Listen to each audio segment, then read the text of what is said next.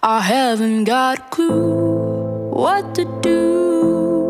Will you tell me what I've got myself into? Aku lagi berusaha nginget-nginget ketemu sama Cliff tuh di mana ya? Oh, iya iya. iya. Aku inget aku inget. Aku ingat, aku ingat. Itu dia pernah Shena dulu. Shena dari Shena. Shena ada satu lagu. Oke, Dia rekaman di tempat Richard. oke. Kamu ngedirect. Betul. Benar. Ada Cliff. Di situ datang. Waktu itu sama Tamara kalau nggak salah. Ya, ya, Ah, ah. benar benar benar. benar. Ada Cliff sama Tamara udah datang di situ ya. Ya tahu aja, udah Se- sebatas tahu aja. Lalu yang kedua, kalau nggak salah Richard sama Cliff itu produce produce satu Produce satu. penyanyi Artis namanya N N di mana N? Kak. Kania, Kania, Kania. Kania, Iya. Kania. Di produksi satu artis namanya Kania ngajak aku buat direct vokal. Direct vokal. Iya benar. Udah, abis Terus- itu temenan. Oke, abis itu udah follow-followan Ih, pede sama banget aku bilang temenan. Iya, temenan. Mudah-mudahan Cliff nganggap, nganggap kita temen ya. Iya, semoga ya. Abis itu follow-followan di Instagram, terus Cliff pernah ngirim. Dia bilang, eh gue lagi ngerjain satu artis nih, gitu. Sebelum ngirim, pas di studio itu dia juga ngeplay. Eh, Ini Faye pokoknya nama Faye itu Dia nggak mungkin ngeplay Faye pas lagi... Iya, dia ngeplay. Kalau dia... Aku itu mendengar nama Faye nggak dari kamu karena kamu dikirim. Aku tuh dengar nama Faye karena Cliff itu eh ngobrol sama Richard kayak gini. Wah ini kalau Faye oke banget nih. Ini kalau Faye oke. Aku tuh denger. Iya, tapi kita nggak dengar suaranya Faye. Karena kalau kita dengar suaranya Faye, nggak mungkin kita nggak ngomongin suaranya Faye pas pulang. Impossible. Oke, karena aku pertama kali dengar suaranya Faye bukan Faye nyanyi live. Aku dengar suaranya Faye itu dari rekaman lagunya Cliff. Aku pertama kali dengar suara Faye itu Stay Home. Iya. Habis itu baru ngecek nyanyi di tempat lain. Karena logikanya sekali kita dengar suaranya Faye, kita nggak akan bisa lupa sama Faye. Oke, jadi eh, Cliff tiba-tiba ngirimin aku satu em, satu lagu yang dia produce. Dia bilang, eh kam dengerin ya. So aku kayak oke. So aku lupa lama aku nggak denger denger. Tiba-tiba aku lagi nyetir iseng. Inget nih gitu si eh si Cliff pernah tuh ya nyebutin satu artis namanya Faye lagu Stay Home coba deh denger udah pas aku denger di Spotify Hancur, kan? hancur, Hancur. lah aku aku langsung hubungin aku langsung hubungin Cliff Minta aku, maaf. aku aku minta maaf Cliff sorry banget lu pernah ngirim ke gua gua bangsat gua gua nggak dengerin lagunya Em, dan ternyata satu satu lagunya bagus banget productionnya bagus banget tapi nih cewek siapa suaranya bagus banget please boleh nggak gua ketemu gue lagi mau bikin band sama chef yang banget waktu itu namanya udah ada No, waktu ya? itu kita tuh mau dekat. Kita tuh mau dekat. Jadi kita kan mau ketemuan dulu. Kita tuh sama sekali datang di hari itu tanpa plan. Iya benar. Plan kita hari itu adalah kita mau ketemu Kita mau ketemu Faye. Doang ya? Mau ngomongin nih anak kita nggak pede lagi ngajakin dia. Kalau dia nggak mau gimana? Nggak nggak, tapi emang aku udah ada obrolan sama sa- sama si Cliff. Oh. Kalau obrolannya adalah nggak tahu. Seingat aku aku ngajak buat Hondo. Hmm. Karena emang kayak aku aku tuh ingat kita tuh datang ketemu sama Faye itu dalam keadaan emang kita mau bikin lagu sama dia. Betul, La- betul. Lagunya ke mana nggak tahu. Kitanya mau. Iya, kitanya mau sama sama dia. Tapi ketika aku dengar Faye pertama kali, aku emang nggak bayangin dekat. Aku nggak pernah ngebayangin dekat featuring sama satu penyanyi lagi. Ini udah kebanyakan penyanyi, Iya. ya kan gitu. Jadi pasti aku mm, apa datang dalam keadaan Hondo gitu. Cuman aku nggak tahu jadi bakal kayak apa. Udah akhirnya kita pergi ke, ke- ke tempat Richard, ketemu sama uh, Cliff, ketemu sama Faye. Hmm. Sama, Bokapnya, Om sama Noel. sama bokapnya, sama sama Om Noel, sama sama Josh Just telat datangnya. Jadi kita sama ngobrol dulu. sama Kay Sama Iya. Eh, apa udah kita ngobrol-ngobrol ngalur ngidul segala macem ngajakin mau bikin lagu tiba-tiba Faye bilang eh gue gue gue nemu chord nih di rumah gue nggak tahu gue mau gue mau apain eh pokoknya lagunya begini gitu udah tiba-tiba dia main piano I haven't got a clue what to do if this my avenue then why I feel so blue udah Enggak. segitu tuh Eh, banyak. Blue tuh eh Blue tuh dari dari Faye ya? Iya. Pokoknya udah tuh segitu doang tuh. Pokoknya si, si ref itu belum beres setengah ref gitu. Apakah will you tell me what I've got myself into antara antara Iya, dua iya, itu. uh. Tapi udah terus pas kita denger itu langsung kayak wah kayaknya bisa deh nih bikin lagu. Terus akhirnya aku ngomong eh mau nggak kita udah nih coba nulis nulis aja gue coba nulis verse gue Chef coba nulis verse dia nanti coba kita denger Iya. sama-sama gitu. Partnya mau Ma- bagaimana? masuk gak sama Faye? Lu bikin verse juga buat lo. Jadi kayak eh, nanti refnya kita mikir nyanyi ganti-gantian segala macam kita masih nggak tahu plan gimana tapi pokoknya kita tulis aja.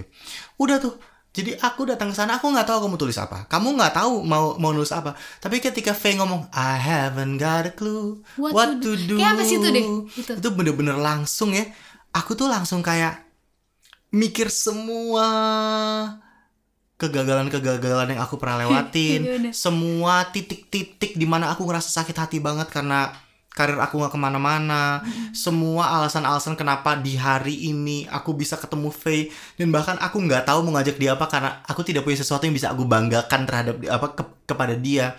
Aku takut untuk ngajak dia buat featuring sama kita karena kita nggak punya hal yang bisa kita offer ke dia gitu.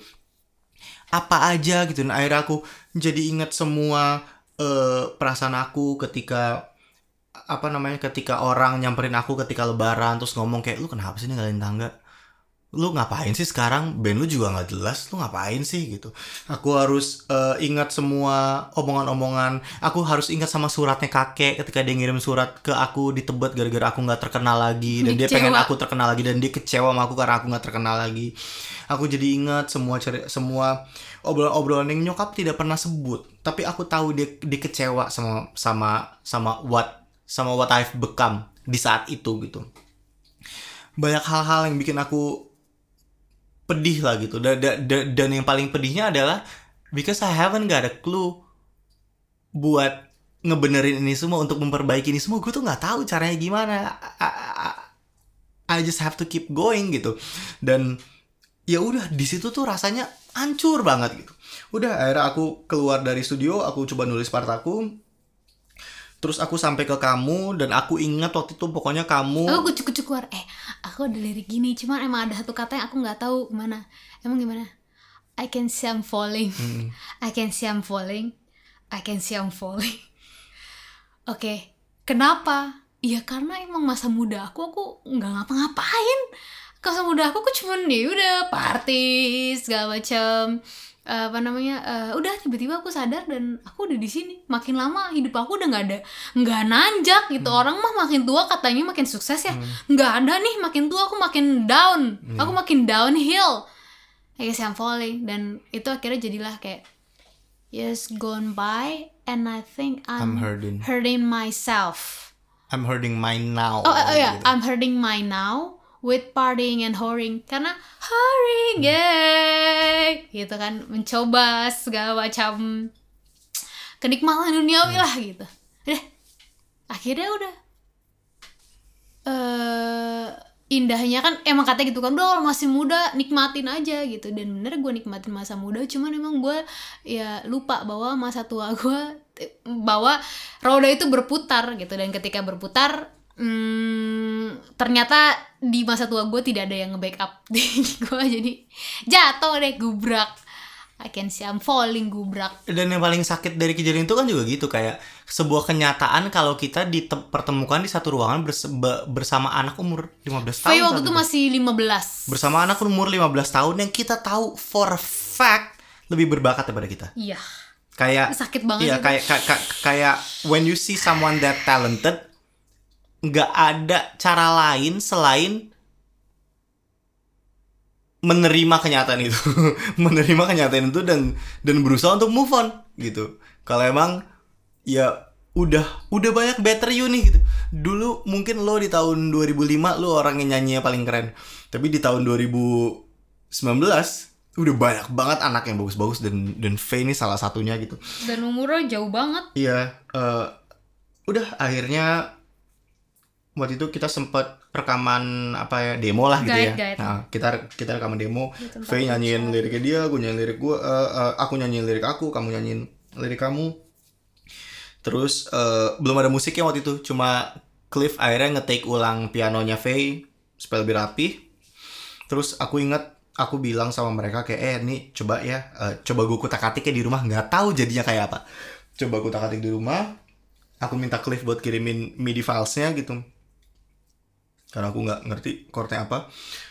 Udah akhirnya aku kerjain di rumah dan ketika Haven't Got a Clue jadi itu jadi lagu paling keras Oh, iya. yang Hondo punya Eh, dan ya kita tahu alasannya kenapa gitu karena kayak waktu pas kita eh pas kita bikin Hondo sebelum ada Haven't Got a Clue emang Hondo semuanya apa it's all about hope ya kan kita punya terti sedih sih tapi kita hoping things would be better. Menerima sih. Menerima, menerima. Iya. kalau River hoping things would be hoping better hoping eh, soldier pada pada saat itu ya terus maju ya lah intinya gitu. Tapi Haven't Got a Clue nih bener-bener kayak kayak home run aja gitu kayak iya gue nih nggak tahu loh gue mau ngapain kayak iya gue mau bikin Hondo terus kayaknya Nggak ada jaminan ya, gitu apa-apa. Tapi nggak ada jaminan apa-apa belum tentu nih band sukses juga kemungkinan band ini nggak sukses jauh lebih besar daripada Hmm. band ini sukses karena kita nggak tahu gimana cara mensukseskan sebuah band kita datang dari sebuah band yang secara karir bisa dibilang tidak sukses Hmm. gitu jadi Iya, iya benar. Kalau ditanya masa depan lo gimana kam? Gue nggak tahu. Gimana cara memperbaiki masa depan lo kam? Gue nggak tahu. Gitu.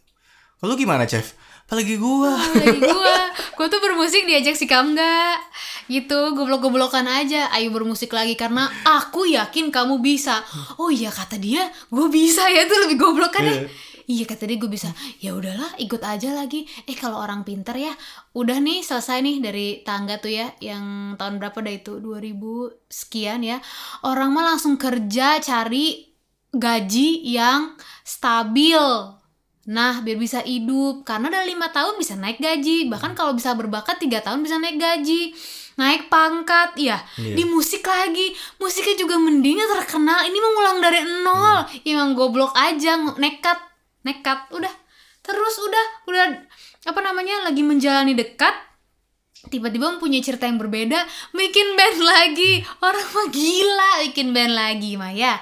Ada mah juga ya udah kamu bermusik, aku sebagai penopang kamu. Kepala rumah tangga. kepala rumah tangga aku kan mencari kerjaan yang stabil supaya kamu kan tahu kamu kan eh, maunya di musik aku kamu dukung kamu. Kamu berjalanlah kamu gak di musik aku akan menopang kamu secara financial ini mangga dua-duanya nyebur lagi di musik. Nah lo udah nangis-nangis berdua pegang-pegangan berdua aja udah. Ya gitu dah Terus yang paling aku yang yang nyampe ke aku ya pas eh, si di hari itu ketemu sama si V bikin Haven't Got a yang juga aku tulis gitu rasa kesal aku ya. Ini aku jarang sampein sih tapi em tapi di lirik Haven't Got a tuh ada rasa kesal aku sama orang-orang yang nganggep setiap aku cerita soal band gitu segala macem.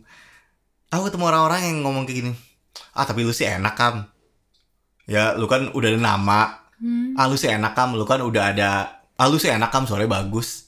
Ah lu sih enak kok kam. Lu kan tinggal tinggal nerusin aja. Kita tuh sering banget ketemu sama orang yang ngomong kayak gitu yang kayak misalkan kayak waktu pas zaman kita bawa dekat gitu. Gini terus orang yang kayak kenapa sih lo harus mulai dari awal? Kenapa nggak terusin aja si tangganya? Lo kayak bikin cover lagunya tangga tapi lu bikin versi elektronik. Atau kayak ya lo kayak ya ya lu remake lagu tangga. Ya lu pokoknya gak usah dibuang. Kenapa sih gitu? Lu lu tuh enak tau lu tuh udah terkenal. Lu tuh udah terkenal. Seolah-olah kayak terkenal tuh permanen gitu. Kayak mereka tuh nggak tahu gitu. Kayak bahkan mungkin aku terkenal di tangga aja itu nggak umur tangga 9 tahun. Aku nggak terkenal 9 tahun di tangga. Mungkin aku terkenal di tangga karena dua ada tahun pertama Iya, lah. mungkin dua, dua tahun pertama bahkan dua tahun pertama juga aku nggak ngerasa aku terkenal. Dua tahun, ter- tahun pertama. dua tahun pertama tuh tangganya terkenal. Aku nggak pernah ngerasa kayak aku stand out sendiri di tangga. Malah aku mungkin ngerasa kayak aku terkenal di tangga mungkin karena aku pernah nyanyi sendiri tapi aku kamga tangga. Jadi kayak oh iya sih kamga tangga suaranya bagus ya ternyata gitu. Nggak pernah ada satu momen di mana kayak aku tuh terkenal banget tuh nggak ada. Jadi kalau ada orang yang bisa terkenal banget dan sekarang kita lupa apalagi aku gitu itu bukan hal yang bisa dipe it- itu bukan pegangan gitu. Pegangan ya adalah karir pegangan adalah karya. Skill. pegangan adalah skill gitu. Yang orang ingat dari tangga bukan aku yang orang ingat dari tangga adalah hebat. Dan itu hal yang harus harusnya emang seperti itu. Yang everlasting lagunya bukan orangnya.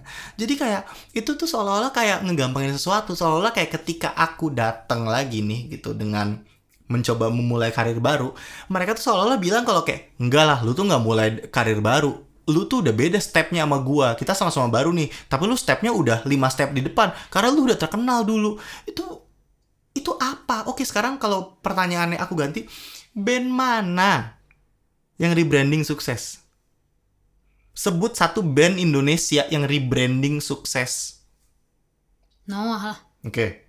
Sekarang aku ganti pertanyaannya. Sebutkan band Indonesia mana yang rebranding dan sukses tapi nggak bawain lagu lama.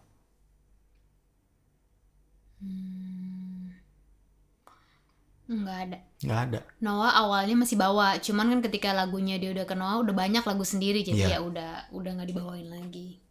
Tapi awal-awalnya masih bawa. Karena karena nggak ada alasan Noah buat nggak bawain karena Noah adalah Peter Pan. Nggak nggak ada alasan mereka buat bawain. Noah bukan band baru. Noah adalah Peter Pan yang ganti nama karena masalah hukum. Jadi nggak ada yang nggak nggak ada band Indonesia satupun yang rebranding dan sukses. Bahkan band luar aja yang rebranding dan sukses ketika ditanya ke aku sekarang harusnya ada, tapi aku nggak tahu. Karena aku nggak bisa disuruh mikir itu. Beda sama kayak eh, siapa penerus Mariah Carey? Oh ya Ariana Grande. Siapa penerus eh, Whitney Houston? Oh ya ada tuh Jennifer Hudson. Beyonce. Siapa band luar yang rebranding terus sukses? Siapa? Aku nggak tahu. Ya Blink pernah pecah jadi Angels and Airwaves nggak sukses-sukses banget biasa aja. Eva nggak bisa aja.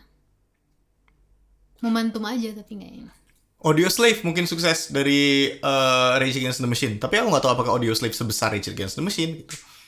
Dan mungkin itu yang paling sukses ya. Atau mungkin ada lagi. Kalau kalau mungkin ada lagi mungkin nanti aku balik ingat. Tapi itu bukan hal yang bisa diingat on on top of the head gitu loh. Jadi kayak di idea kalau orang udah pernah sukses terus mulai sukses lagi itu gampang tuh bullshit gitu.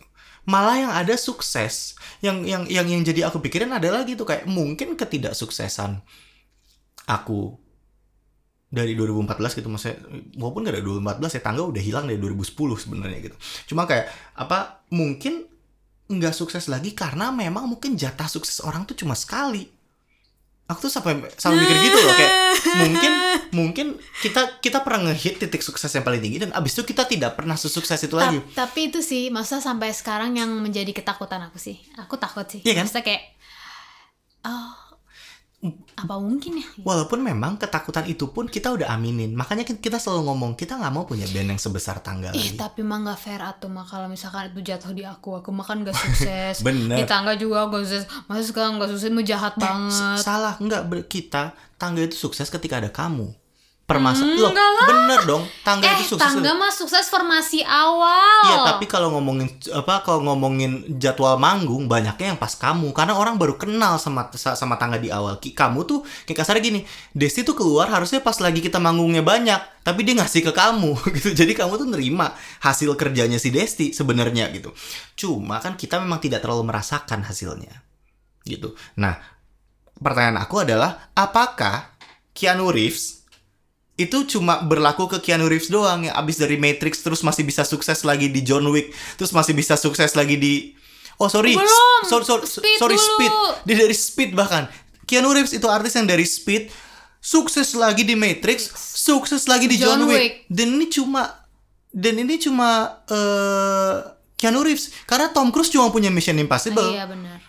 eh Johnny Depp cuma punya Pirates, of the Pirates. Caribbean Robert Downey Jr. cuma punya Iron Man. cuma punya Iron Man Chris Evans ya itu. cuma punya Captain America cuma Daniel Radcliffe Harry Potter. cuma Harry Potter cuma Keanu Reeves yang punya tiga kali kesuksesan luar biasa jadi kayak apakah mungkin ini cuma berlaku ke Keanu Reeves tapi pertanyaan adalah kita kan gak minta seterkenal Keanu Reeves Iya. kita bahkan gak minta segitu Kita gitu. cuma minta stabil. kita cuma kita cuma mau punya pendengar yang ada eh, kita bisa keluar album terus bisa ada yang dengar bisa punya uang buat hidup dari musik udah itu aja gitu jadi semoga aku sih berharap ya semoga memang semoga tangga tuh bukan top titik.